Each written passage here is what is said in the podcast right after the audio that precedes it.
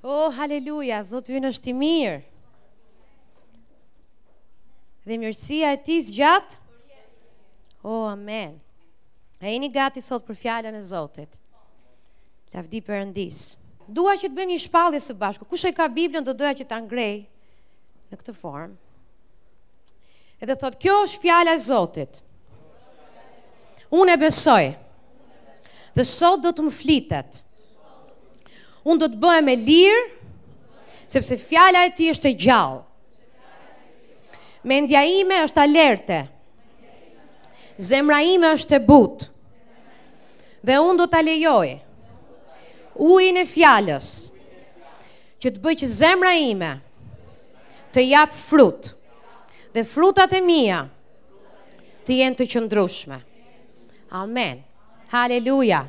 Le të shkojmë gjithë së bashku tek Romakët 5.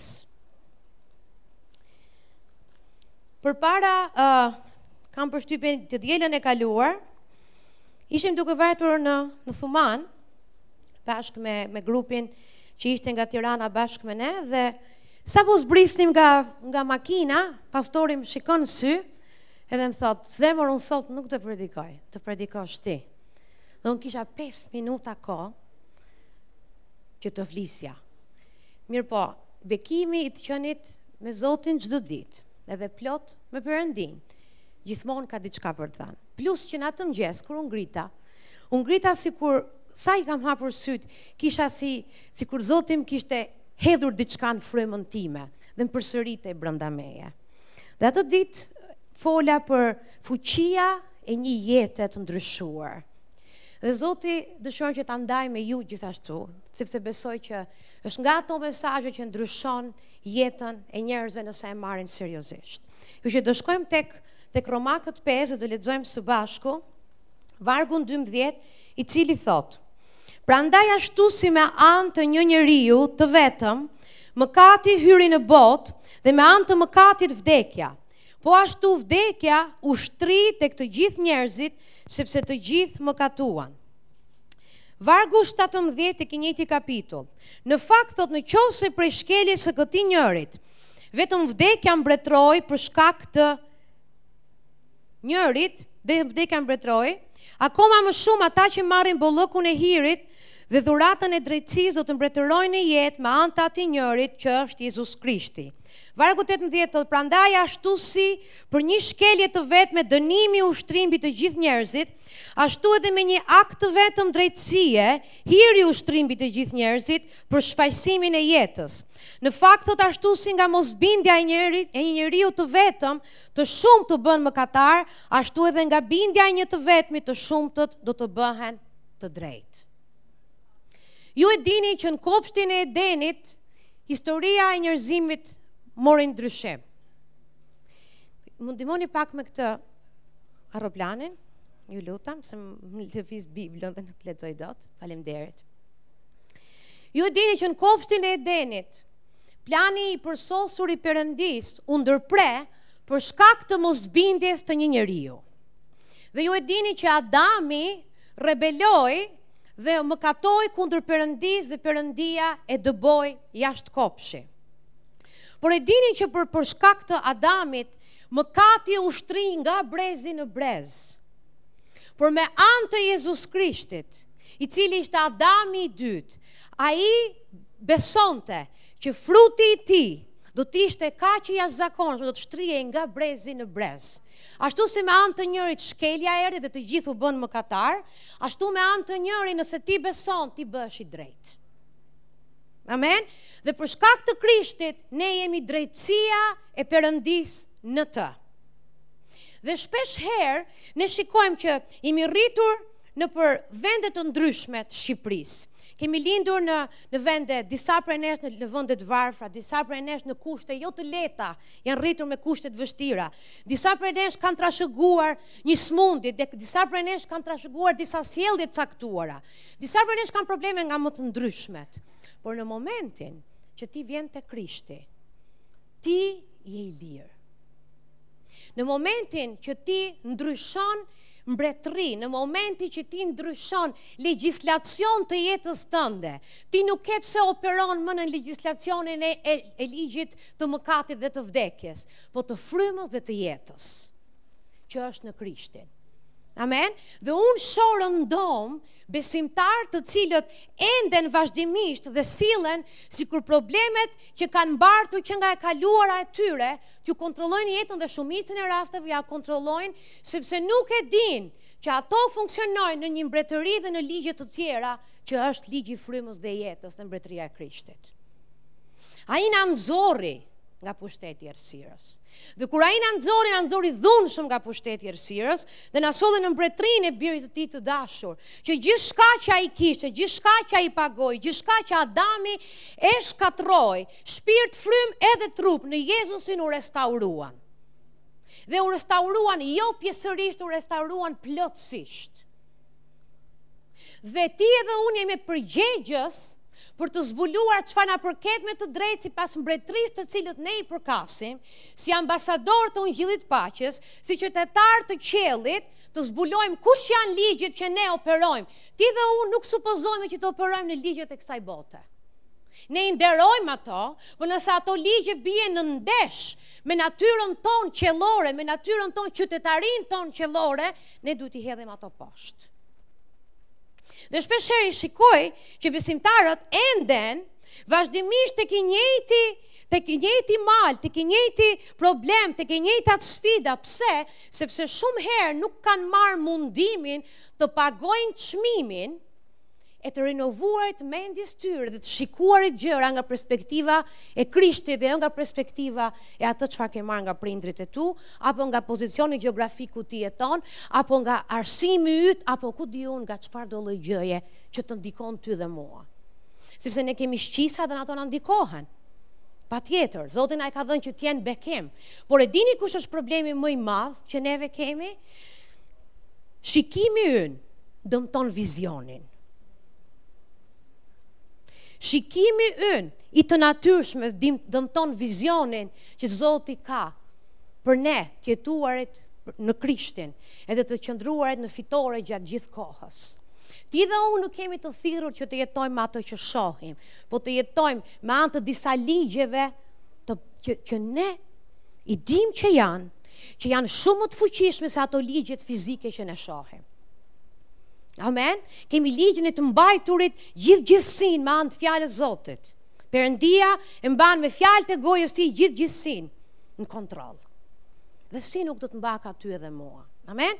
Për që shikoni se thotë fjala e Zotit, me anë të atij njeriu, të gjithë ky, gjithë problemet erdhën nga Adami dhe shkuan brez pas brezi dhe është e trisht që Që kur fëmijët lindin, lindin në mëkat. Dhe sapo ato të rriten e keni vënë re që janë ju vjen natyrshëm të gënjejnë, ju vjen natyrshëm të bëjnë gjëra të gabuara. Pse? Sepse kanë trashëguar një natyrë nga Adami, por në Krishtin ne kemi një natyrë të re. Ky mishi jon ende nuk është i shpenguar. Do të shpengohet një ditë të marrim një trup të ri, ama fryma jonë është e shpenguar, ama ne jemi thirrur që të ecim Në çdo lartësi të jetës dhe të sundojmë në të gjitha ato. Dhe përderisa është tempulli i Frymës së Shenjtë, Perëndia do që ky trup të jetë i shëndetshëm dhe mos ndikohet nga ligjet e kësaj bote. Amen. Apo nga smundjet, apo nga ato çfarë ke trashëguar. Shik, e, e, kur kur flas me me me me shumë prej jush, por dhe jashtë kishës tonë. Njerëz të flasin, ngrihen dhe flasin. Kam dëgjuar pastor që u ngrit një herë në mes të kishës dhe tha, Ah, unë nuk e nuk e haj dot atë ëmbëlsirën sepse jam me diabet. Tani nuk po gjykoj pastorin, fare. Po flasim për ligjet në në Adamin dhe në Krishtin. Ishte me diabet sepse e kishte trashëguar nga babai i vet. Dhe babai i vet e kishte marrë nga gjyshi i vet. Dhe gjyshi i vet dhe mëkati shtrihet nga brezi në brez. Por duhet të dali dikush të guxoj, pasi e ka Krishtin në zemër që të thotë, jo më, ndalon me mua. S'ka më. Në momentin që unë i kam futur këmbët në, në mbretërinë e birit të tij të dashur, unë nuk kam pse vuaj asnjë pasojë të problemeve të mëparshme të farefisnis time, të prindërve të mi, apo të vendit se ku kam jetuar. Unë do të bëhem ai që Bibla thotë që unë do të bëhem. Unë do të jetoj aq gjatë sa Bibla thotë që do të jetoj. Unë do të eci aty ku Bibla thotë që unë do të eci. Nëse Bibla thotë që unë e kam mposhtur botën, atëherë unë e kam mposhtur botën dhe nuk kam pse të ma verifikojnë lidhjet e mia të gjakut që e kam mposhtur botën. Ma verifikon një lidhje gjaku me vëllain tim të madh, Zotin Jezus Krisht. Ai e ka mposhtur botën. Amen. Dhe nuk është normal që besimtarët të enden rreth e qark dhe të thonë, uh, "Mami im kishte këtë problem zemre dhe presin të smuren nga zemra."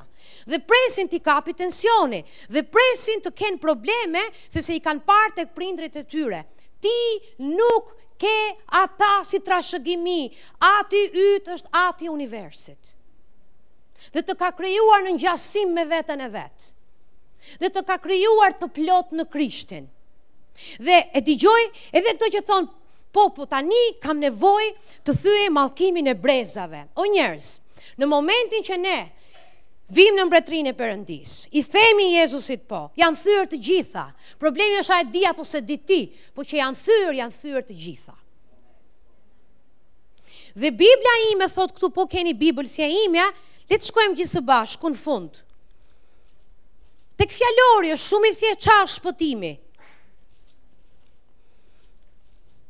Sepse populli im thotë Zoti, vdes për mungesë njohurie. Dhe ne kemi nevojë që të dimë të vërtetën.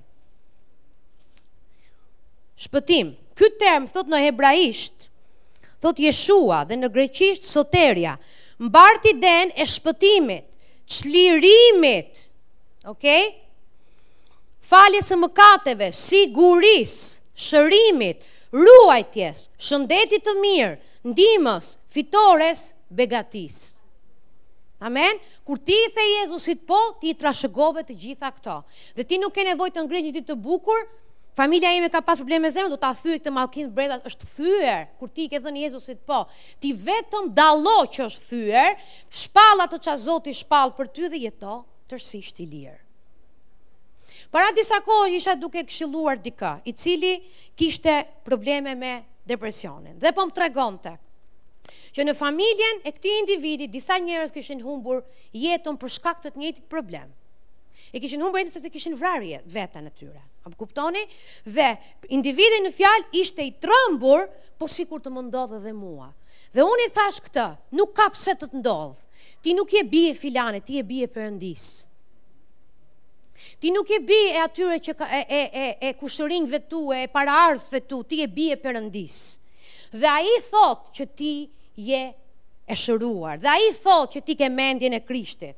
Dhe Ai thotë që ti je plot. Ti nuk ke pse qëndron në një stad, në një në një vend dhe në një stad të tillë mjerimi vetëm për shkak se ti nuk e di çfarë Bibla thotë për ty. Kemi ndryshuar Çdo gjë, momenti që thamë po, errësirë, dritë, kaq të përbashkëta kemi me jetën e kaluar. Dhe nuk është normal që të endemi gjatë gjithë kohës duke folur për se sa e mjerë ka qenë dikur jeta jonë. Unë e kam pas shumë problem këtë, ka qenë një nga dobësitë më të mëdhaja që unë kam pas kur kam ardhur në Krishtin. Kisha një, një, uh, Keqardhja, frika, shqetësimi kanë qenë keqardhja për veten, shokët e mi më të ngushtë. Dhe mbaj mend që uh, në vitet e para të martesës kur u martuam të dy, unë kisha tendencën, kisha tendencën që vazhdimisht t'i flisja tim shoqi sa e mjerë kishte qenë jeta ime. Dhe ok, ka një moment për të thënë sa e mjerë pas ka qenë jeta ime, ok? Po ka një moment për të qarë, ka një moment të ta marrë e mira, dil që aty edhe Jeta nuk ka mbaruar, ti je gjallë, a ka mundësi që mos ta prishë të sotmen për shkak të asaj çka ka ndodhur në të djeshmen? A ka mundësi të sillesh si si qytetar qielli dhe ta lesh mbrapa dhe mbaj mend ishte shumë i sjellshëm me mua, tregohej i durueshëm dhe më dëgjonte vazhdimisht derisa një ditë tha, edhe sa kohë zemër do flasësh për një varr që shkon vazhdimisht e hap Dhe të garantoj që kur e hap varrin, bën era të vdekur. A je duke kuptuar, bën sens kjo që po them? është kaq e vërtetë, dhe erdha në dritën dhe në kumtimin që, po dakord, mua i ligu ma mori të kaluarën, po ai s'ma merr dot të tashmen, ai s'ma merr dot të ardhmen, jo sepse unë qëndroj, jo sepse unë do të besoj, unë do të besoj që ajo ça Bibla thotë për mua është po dhe amen, nuk dua t'ia di si duket. Dhe unë kam qenë e para në familjen time që ka njohur Jezusin. Dhe jam e bindur që disa prej jush kanë qenë pionierët e parë të familjes tuaj. Dhe disa prej jush kanë kaluar edhe persekutime në familje për shkak se kanë qëndruar për Jezusin. Por me anë të atij njëri, për shkak të bindjes tënde, për shkak të të të se s'po më vjen fjala në shqip, që ti e ke ndarë mendin, që do ta paguash çmimin dhe do të marrë gjithçka që Jezusi e ka dhënë falas. Do ta paguash atë çmim sepse unë e di që nga ajo ça unë bëj sot ndikohen fëmijët e mi. Ndikoheni ju të gjithë tek për tek. Vendimet e mia, bindja ime sot do t'ju shërbejë juve nesër.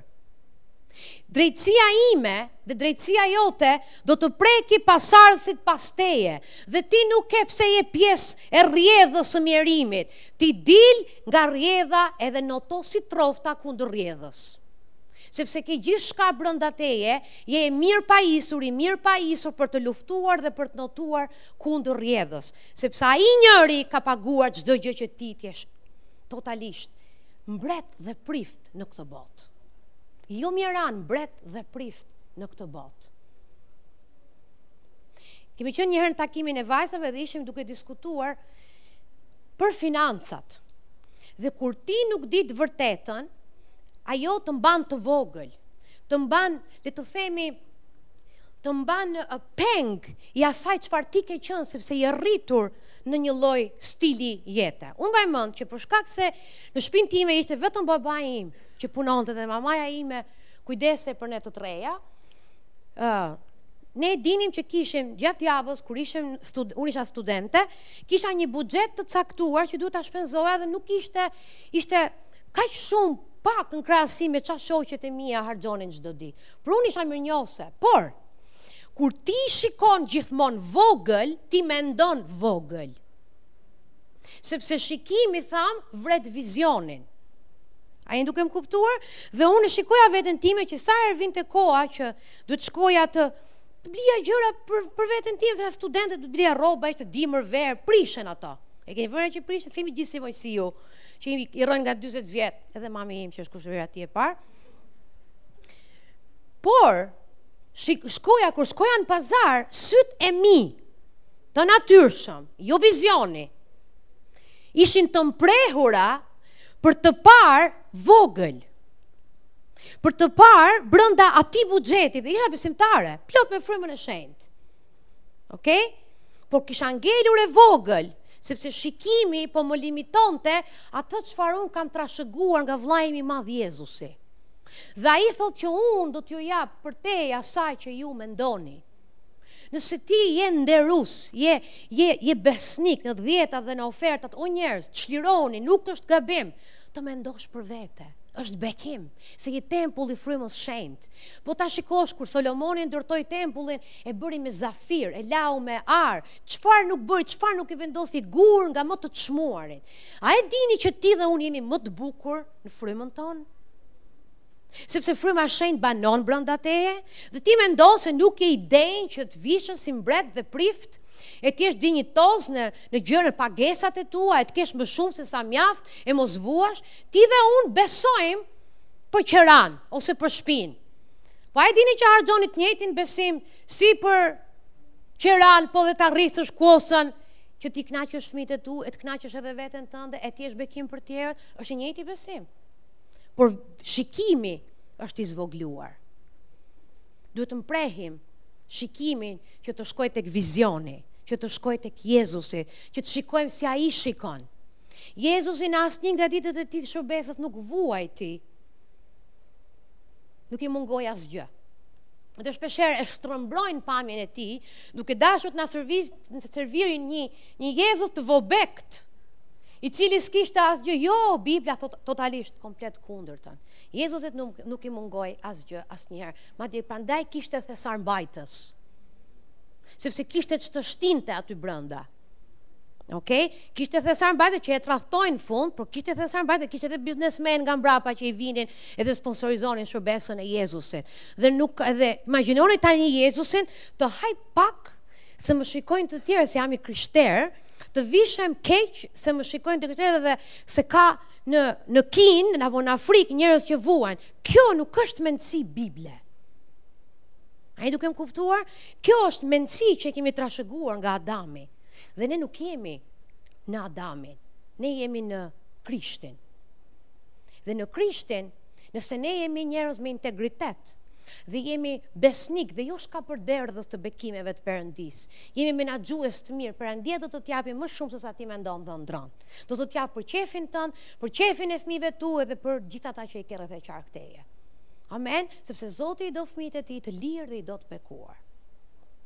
Ji ai individi që del nga rrjedha e familjes tënde, e shoqërisë tënde, e, e, e e punës tënde, e shkollës tënde që thotë unë do të dal dhe do të qëndroj ndryshe, sepse unë nuk i përkas këtij lloj sistemi bote. Unë nuk i përkas këtij lloj sistemi jete, unë i përkas Zotit tim Jezus Krisht.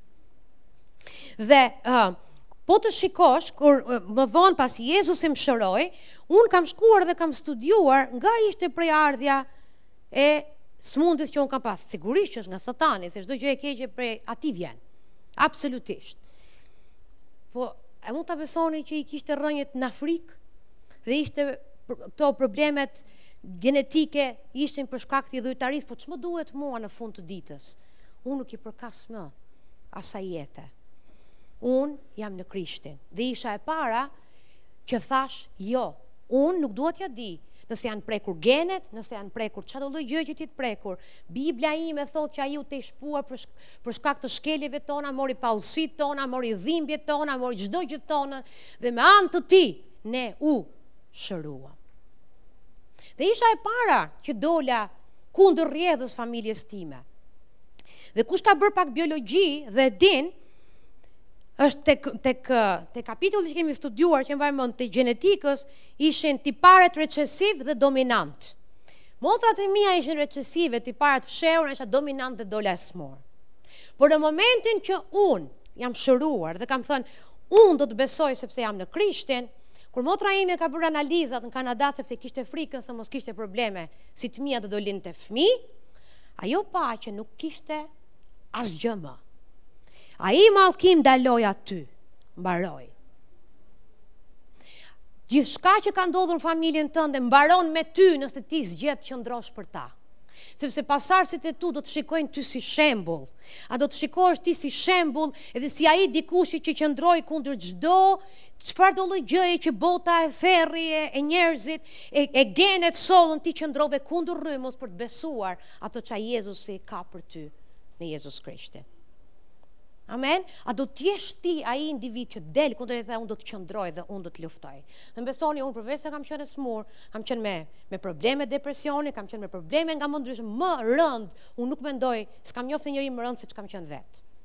Dhe nëse Zoti mundet të bëjë diçka të tillë me mua, ai mund ta bëjë me gjithsecilin që guxon, ama dikush duhet të guxojë. Sepse shpëtimi, edhe çlirimi, edhe prangat e thyera janë falas, por dikush duhet t'i marrë dhe të paguajë çmimin e besimit, asnjë çmim tjetër. Amen. Le të shkojmë gjithë së bashku tek Gjoni 5. Sepse unë mendoj që është një nga historitë që ilustron më së miri këtë gjë që unë jam duke thënë, që dikush duhet të pushojë së pari veten me keqardhje. Gjoni 5, vargu një, thotë, pas këtyre ngjarjeve, ishte një, një festë e judenjve, dhe Jezusi u ngjit në Jeruzalem. Në Jeruzalem, afër portës së dhenve, është një pellg që në hebraisht quhet Betesda, dhe ka pesë portikë. Nën to dergjeshin një numër i madh të lënguarish, të verbër, të çalë dhe të paralizuar, të cilët prisnin lëvizjen e ujit, sepse një engjëll, kohë pas kohe, zbriste në pellg dhe e lëvizte ujin dhe i pari që hynte, mbasi uji ishte lëvizur, shërohej nga çfarëdo sëmundje që të kishte. Aty ishte një njeri i lënguar prej tridhjetë e tetë vjetësh. A mund ta përsërisim bashkë? Tridhjetë e tetë vjetësh. Edhe një herë, 38 vjetësh. Jo 38 orë, jo 38 ditë, jo 38 muaj, 38 vjet. Okej? Jezusi duke e parë shtrirë dhe duke ditur se prej shumë kohe ishte në atë gjendje i tha: "A dëshiron të shërohesh?" I lënguari u përgjigj: "Zot, unë s'kam njeri që kur lëviz uji të më fusë në pellg dhe ndërsa po shkoj Një tjetër zbret para meje. Jezusi i tha, Çohu, merr vigun tënd dhe ec. Njeriu u shërua në çast, mori vigun e tij dhe eci. Atë ditë ishte e shtunë dhe pastaj flasin për të shtunën, por unë dua të qëndroj te kjo pjesa këtu që thotë, Jezusi duke e parë shtrirë dhe e dinte që ishte aty prej shumë kohësh, e pyeti, a dëshiron të shërohesh? E dini që po të jesh 38 vjet në mjerim, ti nuk ke më dëshirë të shërohesh? Por është e mundur ama. Ti mund të mos kesh shumë dëshira, ty mund të të duken shumë gjëra të pamundura. Por kur Jezusi të hyjë në skenë, ta marrë e mira. Bëj ato ça Zoti të thotë, çohu, merre vigun tënd, edhe ec. Amen? Edhe Dhe justifikimi i tij kur Jezusi i tha, do të shërohesh, me thënë të drejtën, po të më kishte thënë njeri mua dhe unë nuk kam qenë pak vite sëmurë, 20, nuk janë pak. A do të shërohesh? Po, ça po flet, sigurisht, që dua të shërohem. A i me njëherë u justifikua. Ai menjëherë u justifikua duke thënë që unë nuk kam asnjë që të më ndihmojë. Sepse sado që të përpiqem, nuk kam asnjë që të më çojë atje. Kur ti je në burg dhe e di ku është çelësi dhe pavarësisht se i gjymtuar je ke dëshirë të jetosh, e di si zvarritesh drejt çelësit? E di si e gjen mënyrën për të shkuar tek pellgu e të hidhesh, moj me krah zvarritet njeriu dhe shkon deri atje dhe nuk justifikohet në këtë formë. Dhe kjo është tipike keqardhje për veten. Dhe shumë njerëz kanë arsye, kanë arsye të vërteta për të për për të qarë për të kaluarën e tyre, por nuk duhet me e lënë të kaluarën me të shkatërru jetën e me të shkatërru të ardhmen. Sepse është fshehur në gjakun e Jezusit. Nuk është më aty. Ça shkon dhe i kujton Zotit vazhdimisht gjërat e vjetra që ai nuk i mban mend. Vazhdimisht shkon tek liqeni i harresës dhe peshkon aty. Disa, disa prej jush Kanë varësi ndaj liqenit të harresës. Kanë varsi. Hidhe atë grep se nuk është për ty. Ka një arsye që Perëndia zgjedh t'i harrojë. E ka gjithë kapacitetin e botës për mos t'i harruar. Por zgjedh t'i harrojë sepse po të thotë ty nëse unë i kam harruar, që jam i vetmi gjykatës i drejtë që po desha t'i mbaj shënim, unë zgjedh t'i harroj kush je ti që zgjedh t'i mbash mend. Dhe dini keqardhja për veten? Është krenari. Është krenari. Dhe është nga ato krenari të rrezikshme që ta vjedhin jetën e ti s'e kupton që ta vodhi. është krenari sepse ti je duke i thënë Zotit që kryqi i tij s'është mjaft. Ti je duke i thënë Zotit që gjaku i tij s'është mjaft. Ti je duke i thënë Zotit që fuqia e tij restauruese nuk është mjaftueshëm që të depërtojë në çdo fushë të jetës tënde. Ti je duke i thënë Zotit ekzaktësisht këtë gjë. Ti je duke marrë rolin e Zotit dhe Zot ti nuk je. Ti je duke vendosur për të ardhmen tënde dhe ti nuk e ke këtë të drejtë atë tagër e ka veç Zoti Jezus Krisht, që ta ka dhënë jetën. Amen? Dhe, nëse do shkojmë, do shkojmë bashkë do t'ju lexoj një histori që është shumë familjare, tek Numrat 21, që është tipike keqardhje për veten, murmuritje, ankim, dhe e vërteta është që Perëndia e quan mëkat.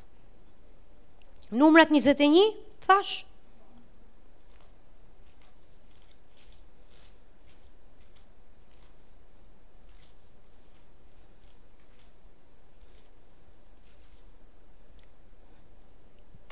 Numrat 21, vargu 4 në mos gaboj. Pastaj thot bijtë e Izraelit u nisën nga mali i Horit dhe u drejtuan nga deti i Kuq. për t'i ardhur qark vendit të Edomit dhe populli u dëshpërua për shkak të rrugës. Populli pra foli kundër Perëndis, kundër Mojsiu, duke thënë: Pse na nxorët nga Egjipti që të vdesim në këtë shkretëtirë? Sepse këtu nuk ka as bukë, as ujë, na vjen neveri për këtë ushqim të keq. Dhe vargu 7 thot, dhe kështu populli shkoi te Mojsiu, mbasi qanë e vajtuan edhe folën kundër Perëndis, kështu populli shkoi tek Mojsiu dhe i tha, kemi mëkatuar. Që do të thotë është mëkat, të ankohesh dhe të murmërisësh. Kemi mëkatuar sepse kemi folur kundër Zotit dhe kundër teje. Lutju Zotit që të largojë nga ne këta gjarprinj dhe Mojsiu u lut për popullin. Tani dua që të shkojmë tek një varg që thotë një gjë shumë të bukur. Vargu 4, pjesa e fundit e vargut. Thot, dhe populli u dëshpërua për shkak të rrugës. Populli u dëshpërua për shkak të rrugës. U bë vështirë. U bë vështirë. E dini që jeta bëhet vështirë, edhe rruga ndonjëherë bëhet dredha dredha dhe ti me të vërtet mund të dëshpërohesh, e mund ta kesh tundimin që të dëshpërohesh dhe të fillosh ta marrësh jetën tënde në dorë dhe të marrësh ti vendimet dhe drejtim jetës tënde dhe janë totalisht të gabuara, Populli u dëshpërua për shkak të rrugës dhe Kur rruga dhe jeta jote fillon bëhet vështirë, ruaju, ruaju ta them në Zotin me gjithë shpirt, ruaju se po fillon të murmurisësh, sepse tundimi i parë që i vjen njeriut fillon i hedh sytë te vetja dhe fillon i vjen keq. Ty kështu ta kanë bërë gjithmonë, ti vetëm ti kalon nëpër këto situata, si nuk e pe një ditë të bardhë dhe u bë telenovela. Dhe e gjete veten në një gropë të cilën nuk të futi satani, po ti. U fute ti me zgjedhjet e tua, sepse në vënd që të kesh një zemër mirënjohëse kur rruga bëhet e vështirë dhe të mbash fort zemrën dhe jetën tënde tek ajo çfarë ti je në Krishtin, tek identiteti që ti je në Krishtin, tek ligjet e mbretërisë që supozohet funksionojnë në jetën tënde, ti shkon edhe bëhesh palë me të ligun dhe e fut veten nëpër situata që nuk ke pse të jesh aty.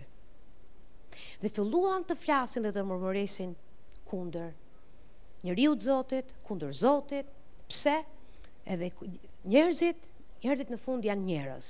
Dhe nëse nuk e rinovojnë mendjen e tyre dhe nuk rrin ngushtë lidhur me Perëndinë, nuk kanë imunitet ndaj tundimit. Asnjëri nga ne nuk ka. Nëse Jezusi nuk kishte Imunitet ndaj tundimit, por kishte vetëm fjalën e Perëndisë, për t'u mbajtur fort mbas fjalës Perëndisë, dhe mos binte pre e tundimit të të hequrit dorë, dhe të marrit në kontroll Ai jetën e vet, dhe të thoshte jo nuk e dua këtë kupë, edhe ti dhe unë mundemi. Edhe ti dhe unë do të sulmohemi sepse nuk jemi më mirë se sa Zoti ynë Jezus Krisht. Nëse ai u sulmua, nëse ai e përndoqën do të përndjekin ty edhe mua për shkak të emrit që ne mbartim, Emrit Zotit Jezus që është në jetën tonë. Jeta bëhet e vështirë, po nuk lëshohen frerët e jetës sa herë bëhet vështirë. Sa ditë ju vidhen cave, sa javë, sa muaj, sepse rrinë, ngecin me një, me një pikë të vetme dhe nuk e kuptojnë që i ligu po vjedh bekime, po vjedh të ardhmen, po vjedh andrra, po shkatërron vizionin që është dhënë nga Perëndia. Pse? Sepse në vend që të shikojnë veten në të, shikojnë veten në dobësitë e mishit dhe sillen sikur janë ende në Adamin, kur në fakt nuk janë në Adamin, por jemi në Krishtin. Amen. Dhe ky është një mesazh shumë i rëndësishëm. Dhe pastaj gjarprinjtë u ngritën dhe ju e dini se sa shumë veta vdiqën, vetëm për shkak të ankimit dhe të mosmirënjohjes, të murmuritjes.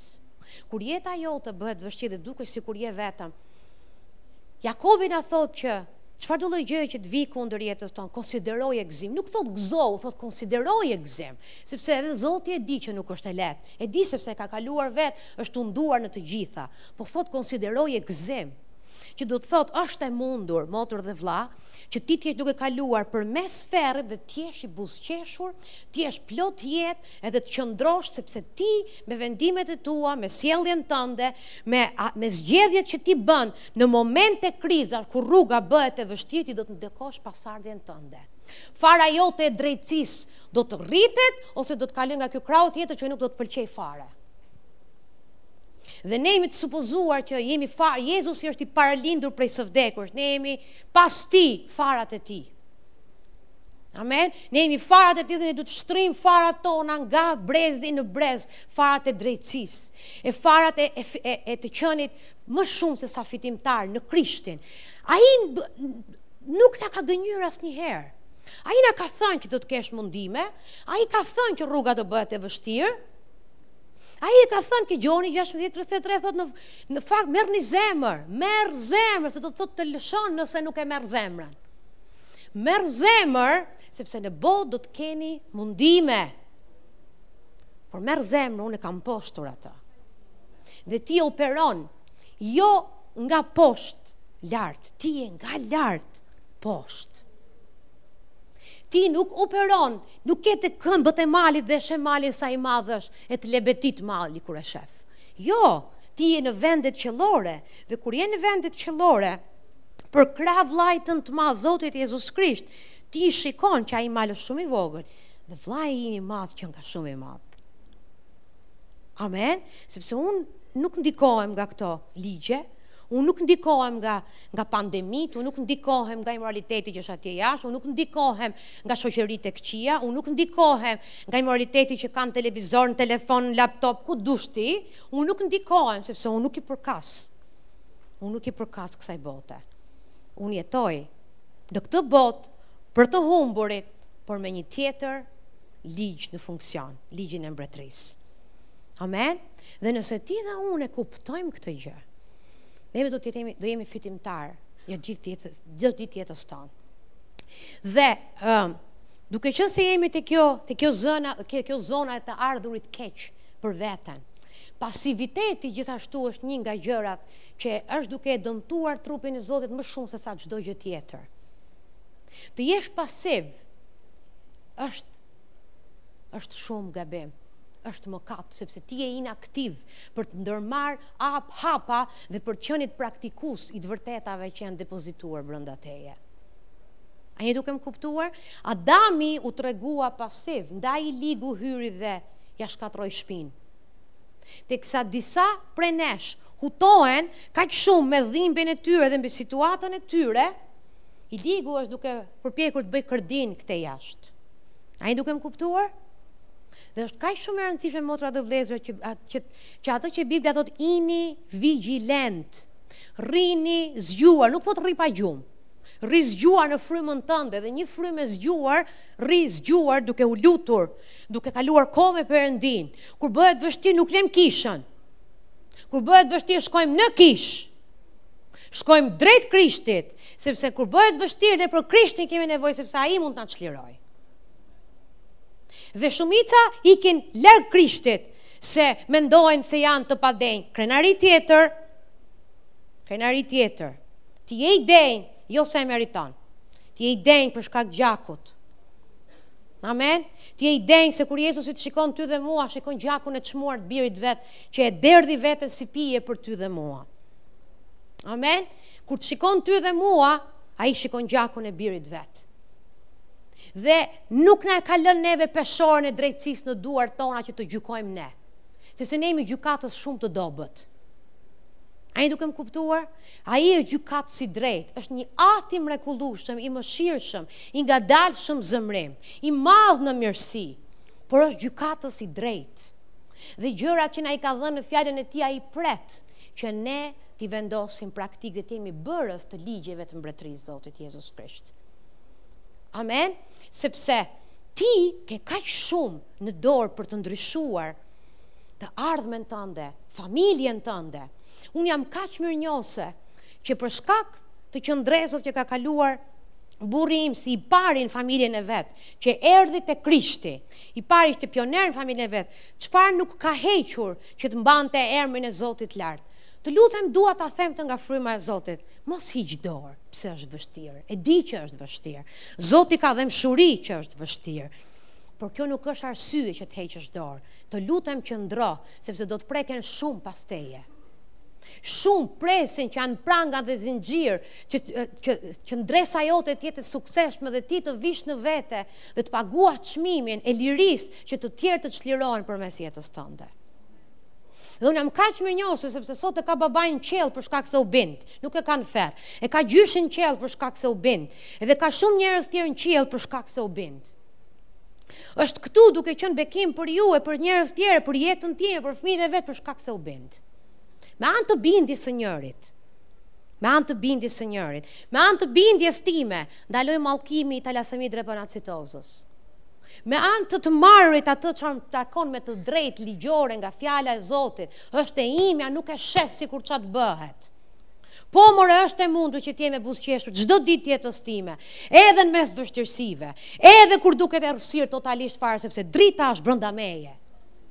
Dhe nuk ka djallë në ferr e errësirë mjaftushëm të dendur rreth meje që mundet ma shuajë dritën që Zoti ka vendos brenda meje.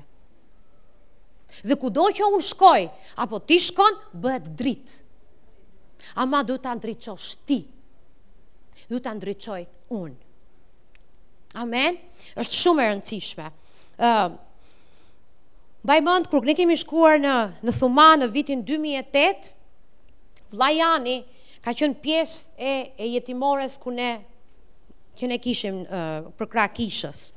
Në atë kohë Jani ishte 18 vjeç, ishte shumë i ri.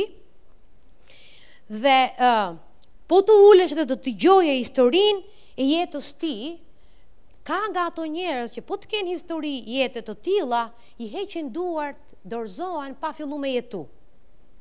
Po për shkak se familja ime ka dështuar e gjitha, a duhet vallë unë që jam trashëgimtare e Zotit Jezus Krisht të dështoj edhe unë pse familja ime ka dështuar, apo pse vendi ku unë jetoj është vend i humbur dhe nuk e di kush se ku është në hartë? Jo, unë do të jem drita për atë vend. Unë do ta bëj atë vend që të ketë dritë. Dhe mua më bekonte shumë fakti kur vinte thosha unë do të jem i pari që nga fisi im do të bëj gjëra të mëdha. Do të jem i pari. Edhe ai e di se çfarë ka hequr, sa shumë ka vuajtur, sa lot ka mbjell. Dhe Perëndia sot e ka bekuar. Ka një punë të mrekullueshme, ka familje të mrekullueshme, ka shpinë e tij. Jezusi është i mirë. Atë që bën Me njërin që guxon të besojë e bën me gjithë ata që guxojnë t'i besojnë atij. Dhe uh, më kujtohet historia, mbase e keni dëgjuar shumë prej jush, e vëllait të Joyce Meyer, kush e ka dëgjuar historinë e tij, është shumë prekse dhe shumë e dhimbshme.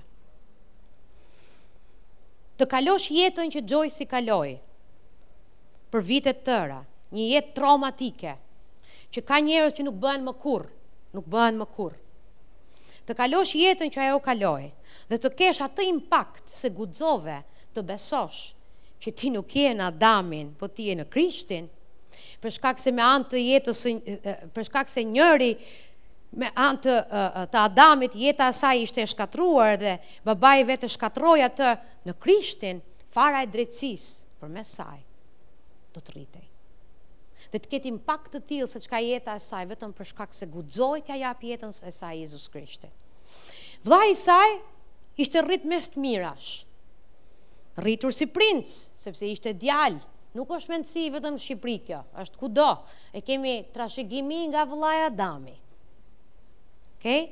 Për shkak të mëkatit, ka hyrë ndasi, Midis dy njerëzve që Perëndia i ka krijuar të jenë bashkë, mashkull, femër. Okay? Edhe u rritën, ai u rrit mirë dhe kjo u rrit e abuzuar. Bëri një jetë jo të mirë kur kaloi adoleshencën e tij, iu dha drogës, iu dha, iu dha alkoolit, totalisht i humbur. Derisa një ditë i jep jetën Jezusit dhe motra e vet bashkë me kunatin, domethënë me burrin e Joyce-it e marrin dhe të jetojnë në shpinë e tyre që ta ndihmonin të rehabilitoheshe. Dakord? Kaluan vite dhe ai po dukej sikur po lulëzonte, por kishte një problem, atë problemin që unë ju thash, pasiv. Donte që çdo gjë ta bënte se të tjerët po ia thonë. Nuk bënte asgjë se donte ta bënte vetë. A më kuptoni? Dhe kjo është kaq shumë e pashëndetshme. Dhe ditën që Zoti i tha, Dua që ta lesh tani të vrapojë vetë. Lëre të ecë garën e tij vetë. Dhe kështu bëri, hoqi duart nga i vllai, gjeni çfarë bëri? Shkoi mbrapsht tek rrugët e vjetra. Shkoi mbrapsht sepse kishte marrë të mirëqenë gjithçka që i ishte dhënë me shumë dashuri nga qielli dhe nga e motra. Nuk do ta marrë të mirëqenë diçka që është paguar me gjak shumë të shtrenjtë. Edhe që e kemi aty sa herë na duhet edhe po e kemi mirë, po s'e kemi, hë se Zoti na vjen mbrapa. Sepse nëse merren vendime të gabuara në, në mënyrë të njëpasnjëshme për një kohë të gjatë, ato ajo faturë të troket tek dera. Herët apo vonë të troket në derë dhe atij i trokiti. E gjetën diku të vdekur, vetëm në një shpi të shkatërruar. Kishte vrarë veten me mbidozë. Dhe ajo qante e trishtuar, që si ka mundësi, i kishte bërë pyetjen Zotit, që me gjërat që unë kam kaluar, unë të, të, të, të, të, të vij në këtë ditë dhe të jem të jetoj si fitimtare, dhe ai me aq pak sa kaluar, la veten të mbyte nga, nga, nga, nga gjëra të tilla. Sepse nuk duan të paguajnë çmimin. Paguaje çmimin. Dhe çmimi yt është t'i besosh Perëndisë, të ecësh çdo ditë me të. Të jesh bërës i Fjalës, të jesh i zellshëm, të jesh i zellshëm në Zotin, të hedhësh hapat që Perëndia të thotë ty edhe mua. Po dëgjoja për frikën e Zotit nga John Bevere dhe më bekoi shumë. Dhe po thoshte erdhi njëri dhe më tha, ka Zoti ka 3 muaj, ka një kohë shumë të gjatë që po merret me zemrën time dhe unë i thashë ti s'je bindur akoma, po kjo është mungesë frikë e Zotit. Nëse Zoti të flet gjatë gjithë kohës për një gjë, e të flet, e të flet, e të flet, e të flet, e të flet nga dritarja, e të flet nga dera, e të flet s'ka lënë besimtar pa të folur dhe ti ende nuk je bindur dhe po pret për konfirmime të tjera, ti nuk e ke frikë Zotin. Ai nuk e ka kuptuar? Dhe është shumë e rëndësishme që të kemi frikë të shenjtë që mos t'i humbasim sepse ka disa bekime njerëz. Ai është perëndi i shanseve të dyta, as nuk e diskutoj. Është perëndi restaurimi, ai restauron edhe më të masakruarin, edhe më të copëtuarin, edhe më një si Gjojsi. Okej? I bën të gjitha, por ka disa bekime, flasim kur jemi besimtarë, që vijnë në jetën e dikujt.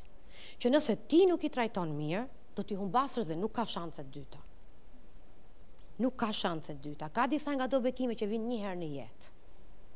Dhe ne duhet të jemi të vëmendshëm e të kemi frikë mjaftueshëm Perëndinë, që të dallojmë dorën e tij kur ai është duke na sjellë bekime dhe mos të hutohemi, mos bëhemi pasivë, përçmues e përbuzës se nga kjo manë kemi ngrënë gjithë kohës.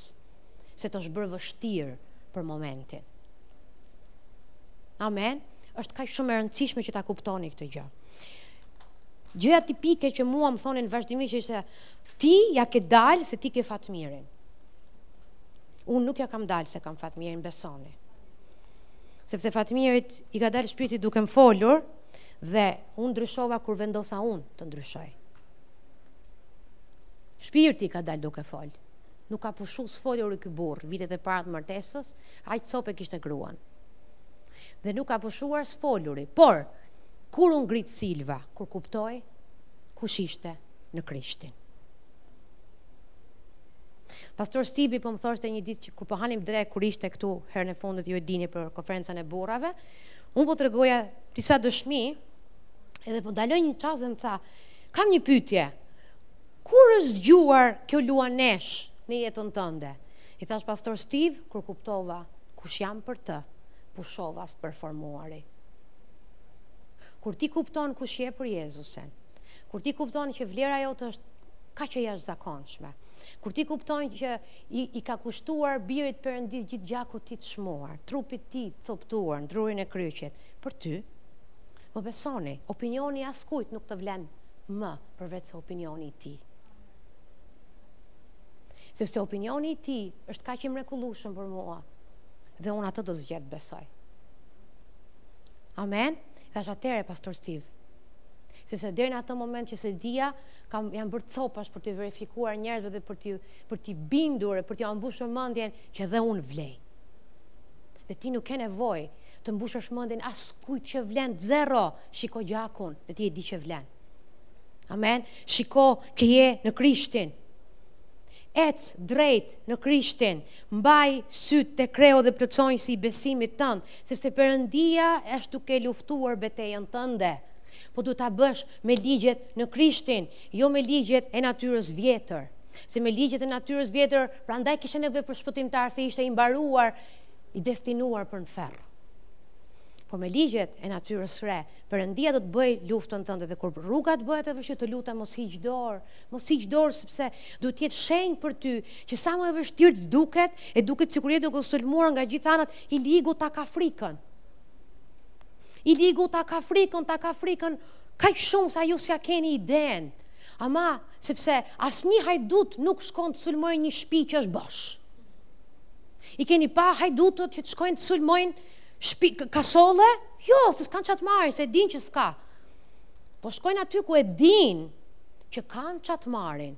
Dhe i ligu po përpiqet të të sfilisi, të të heqi fokusin, të të hutojë, të të zmbrapsi në mënyrë që të të vjedhi sa më shumë të ketë mundësi dhe nuk do të ndalet derisa ti t'i thuash deri këtu satan. Unë nuk operoj më në Adamin, unë jam në Krishtin. Deri këtu satan, ça më është besuar mua, është e imja dhe nuk ka djallë ferr që të ma marri. Nuk ka satan e demon që mundet të marri atë ça Zoti im Jezus Krisht e ka blerë me gjakun e tij të çmuar. Amen? Çfarëdolloj gjëje? Çfarëdolloj situate? Asgjë nuk i ka shpëtuar gjakut Jezus Krishtit. Shpirt, mendje, trup. E, çdo gjë, çdo gjë Në jetën tënde Perëndia e ka bërë. Amen. A do të jesh ti ai që do të qëndrojë? A do të jesh ti ai që do të dali kundër rrjedhës dhe thuaj ndalon me mua. Mbaroj këtu. Nuk ka më mjerim. Nuk ka më mjerim në familjen time, nuk ka më mjerim. Nëse keni sulme në shtëpi, merr autoritet. Ti je drita dhe drita duhet të jetë më e madhe se sa errësira. Amen. Perëndia patjetër që e nderon vullnetin e njerëzve, as nuk e diskutoj gjatë gjithë kohës. Por në vendin ku unë jetoj, jo, do të ketë dritë. Pse? Sepse unë jam dritë. Dhe kur drita shkon, errësirës i duhet largohet. Amen. Errësirës i duhet të largohet. Dhe ti duhet ta bësh që ajo dritë të ndriçojë. Sepse nuk përfaqëson veten, ti je përfaqësues i Zotit Jezus Krisht në çdo gjë që ti edhe unë bëjmë. Haleluja! Një dëshmi që uh, më ka prekur shumë, sidomos kur bëhet fjalë për kur rrugët bëhen dredha dredha dhe bëhen të vështira, edhe duket sikur malet edhe pengesat ngrihen në garën që që ne kemi përpara, thash kemi tendencën që të na vi keq për veten tonë. edhe dhe në këtë mënyrë i hapim derën satanit. Por mbaj mend historinë e mbase shumë prej jush e din, mbase s'e dini do ta tregoj se mua më ka bekuar shumë, historinë e Josh McDowell, që është fuqia e pëshpëritjes, ai ka bërë një libër që thot fuqia e pëshpëritjes. Ky ishte ishte është një pastor, goxha i njohur në trupin e Krishtit në botë, por ishte në një moment ku rruga ishte bërë shumë e vështirë. Shumë e vështirë. Dhe duket sikur asgjë nuk po funksiononte dhe duket sikur kishte sulme nga gjitha anët, kështu që mori vendim që unë do të kërkoj fytyrën e Zotit derisa Zoti të më flas dhe të më përgjigjet. Dhe Zoti të më tregojë rrugën nëpër cilën duhet të eci sepse unë nuk e shty dot më në këtë gjendje. Dhe ashtu bëri. I tha të shoqes unë do të mua më ke këtu, jam në agjërim, do jem gjithë natën në lutje, gruaja vetë shkoi për për të fjet. U lut një orë, u lut dy, u lut tre, u lut katër, u lut pesë, diku nga ora gjashtë e gjysmë e mëngjesit, ishte shtrirë në tapet, i kishte, ishte bërë fytyra me formën e tapetit, keni parasysh kur bëhet ke jastëku ose kudo që ta kesh vënë? Edhe tha, Zot, pse nuk po më flet, sepse unë po të kërkoj. Dhe fryma e Zotit i foli dhe i tha, Josh, çohu, vishu, e shko në punë. Tha, Zot, vetëm kaq, çohem, vishem dhe të shkoj në punë? U çua dhe ishte pak kështu si, pak si i tronditur dhe i del e shoqja para dhe, ha, zemër, ça të tha Zoti, ku do shkojmë? dhe është tendenca për ku do shkojmë, ça do bëjmë? Zoti më tha, tha, çohu, vishu dhe shko në punë. Të çohesh, të vishesh dhe të shkojsh në punë, po tha zemër kështu më tha, çohu, vishu dhe shko në punë. Dhe u çua dhe u vesh dhe shkoi në punë, ja 3-4 vjet rresht sistematikisht duke bërë instruksionin që Zoti i tha, Perëndia e solli depërtimin, e solli çlirimin, e solli dhe pati një shpërthim të jashtëzakonshëm në kishën dhe shërbesën e tij. A je duke më kuptu? Sepse iu bind menjëherë instruksionit Zotit. Ndonjëherë Perëndia është duke testuar, a e don me të vërtetë ti lirinë? A e don me të vërtetë ti shërimin e shëndetin?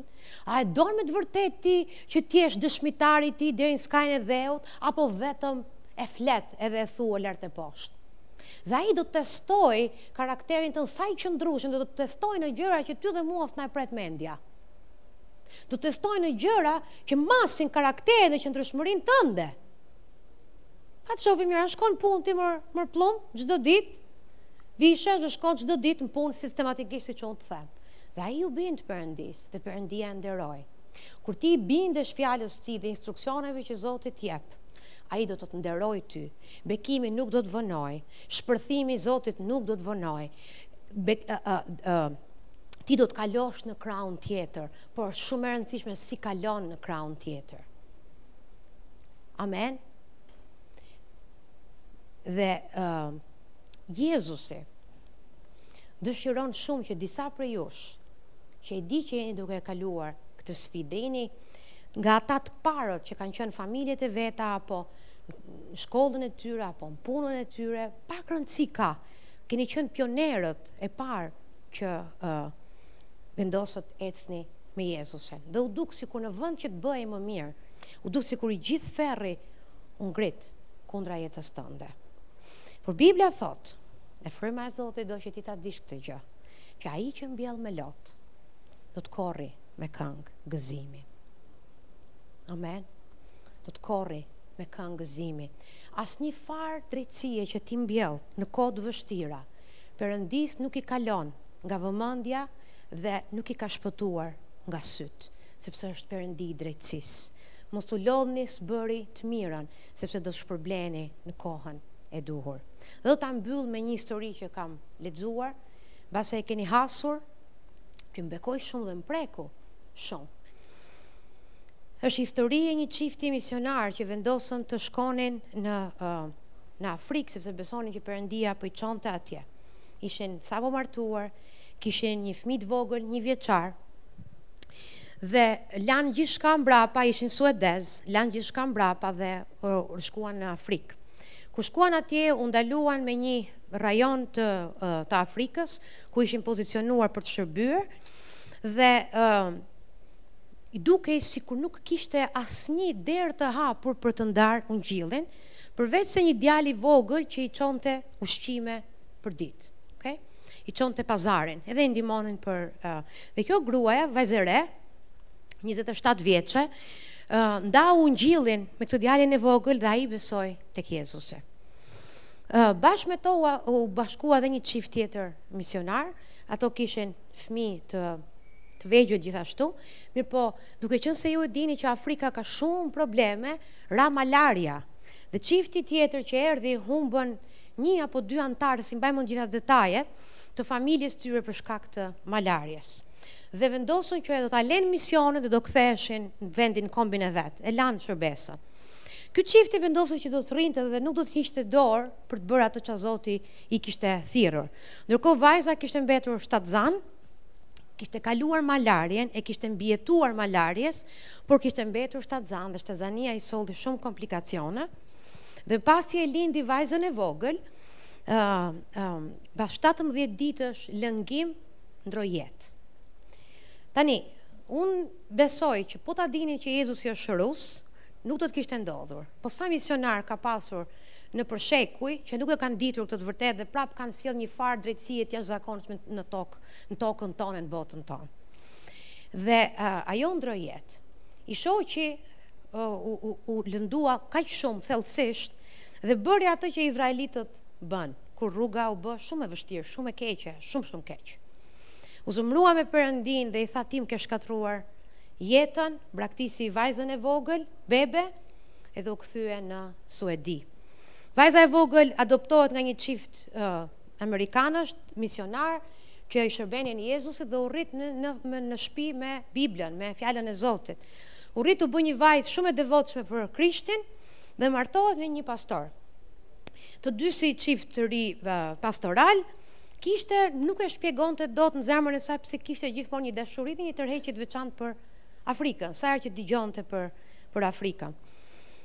Dhe uh, del nuk e di se si doli historia, po ndodhi që këta të dy bashkë çift vendosen që të shkojnë në Afrikë sepse kishin dëgjuar, po tani më kujtua, për një vend i cili kishte mijëra e mijëra besimtarë edhe studentë shkollë krishterë, ishin hapur disa shkolla të krishtera në një vend të caktuar që s'e mbaj mend emrin e qytetit, Por kishte shumë shkolla të krishtera dhe shumë mijëra besimtarë. Okay? Dhe donin të shkonin të takonin personin që i kishte ndërtuar këto shkolla. Shkojnë të dy dhe e takojnë. Shkojnë tek zyra e këtij zotërisë. Ky ishte afrikan. Edhe sa futet brenda në zyrë, shikon fotografinë e mamit edhe të babit vet tek muri. Edhe tha kush janë këta? Edhe dhe ai i tregoi historinë. Edhe tha unë jam Agi, Jam, jam vajza, jam vajza e tyre. Tha, o mami jote është heroinë për këtë vend. Sepse ka dhënë jetën për ne. Unë jam djali i vogël që i çoja ushqimin. Edhe për shkak të tij, kishin ardhur mbi 600.000 veta vetëm te Krishti. Për shkak të një fare. Mam, ajo që ka bërë mami jot, tha nuk ka shkuar dëm. Trupi i saj, që ajo e mbolli edhe vdiq, Edhe e humbi jetën, në këtë tokë. Nuk shkoi kot. Ne të gjithë e duam dhe e nderojmë kujtimin e saj, sepse jemi në Krishtin të gjithë për shkak të bindjes së asaj gruaje. Dhe vajza e prekur, e përlotur, siç përlotemi ne, sepse nuk është e lehtë për ta dëgjuar një gjë të tillë, vendos që të shkojë të takojë babain e saj 80 vjeçar, i cili ishte shumë plak. Shkoi në Suedi dhe donte t'i tregonte që mami nuk ka vdekur kot. Zoti nuk e ka harruar mundin e saj, vërtet i ligu e vodhi, Por Zoti nuk e ka harru mundin edhe mbjelljen e saj, me lot. Edhe shkon në Suedi, merr vesh që babai vet ishte martuar, kishte katër fëmijë të tjerë, pijanec, totalisht një, një, një plak zemërak, nuk rrinte me asnjë njeri, vazhdonte të ishte thellësisht i hidhëruar me, me Perëndinë. Edhe kjo uh, bën takim me motra dhe vëllezër, pajtohet me ta, bashkohen, Kalon një kohë shumë të bekuar bashkë dhe shkon për të takuar babain e saj plak. Dhe kur futet brenda, e thërret, i thotë babi jam jam Agi. Edhe ai fillon të qajë me të madhe. Edhe shkon edhe i tregon fotografinë, i thotë mami nuk vdiq kot. Vdekja e saj nuk ka ngel pa shpërblyer para Perëndisë dhe i tregoi për djalin e vogël që i çonte bukë, që ishte bërë një djalë i madh, që kishte Shumë shkolla të krishtera dhe shumë kisha ishin hapur për shkak të atij djali të vogël. Dhe mami, Zoti e ka shpërblyer ata që mbjellin me lot, do të korrin me këngëzime. Amen. Kështu që asnjë farë që ti dhe unë mbjellim, të lutem me shpirt në Zotin, pse bëhet vështirë, mos shko ta shkulësh. Mos shko ta shkulësh sepse uh, duke i shkulur farat që ti i ke mbjellë, me lot edhe me mund mund të ngurcohesh dhe bëhet e rrezikshme. Vazhdo të mbjellësh, vazhdo vazhdo t'i besosh Perëndisë, vazhdo të qëndrosh sidomos kur bëhet vështirë më shumë se sa kurrë. Qëndrueshmëria jote do të jetë më e madhe se sa asnjëherë tjetër, sepse është shenjë për ty që je përpara depërtimit edhe bekimit që Zoti ka për ty. Në mënyrë që t'i lësh pasardhësve tu qoftë në frymë e qoftë biologjik, t'i lësh trashëgimi farat e drejtësisë në Krishtin. Amen.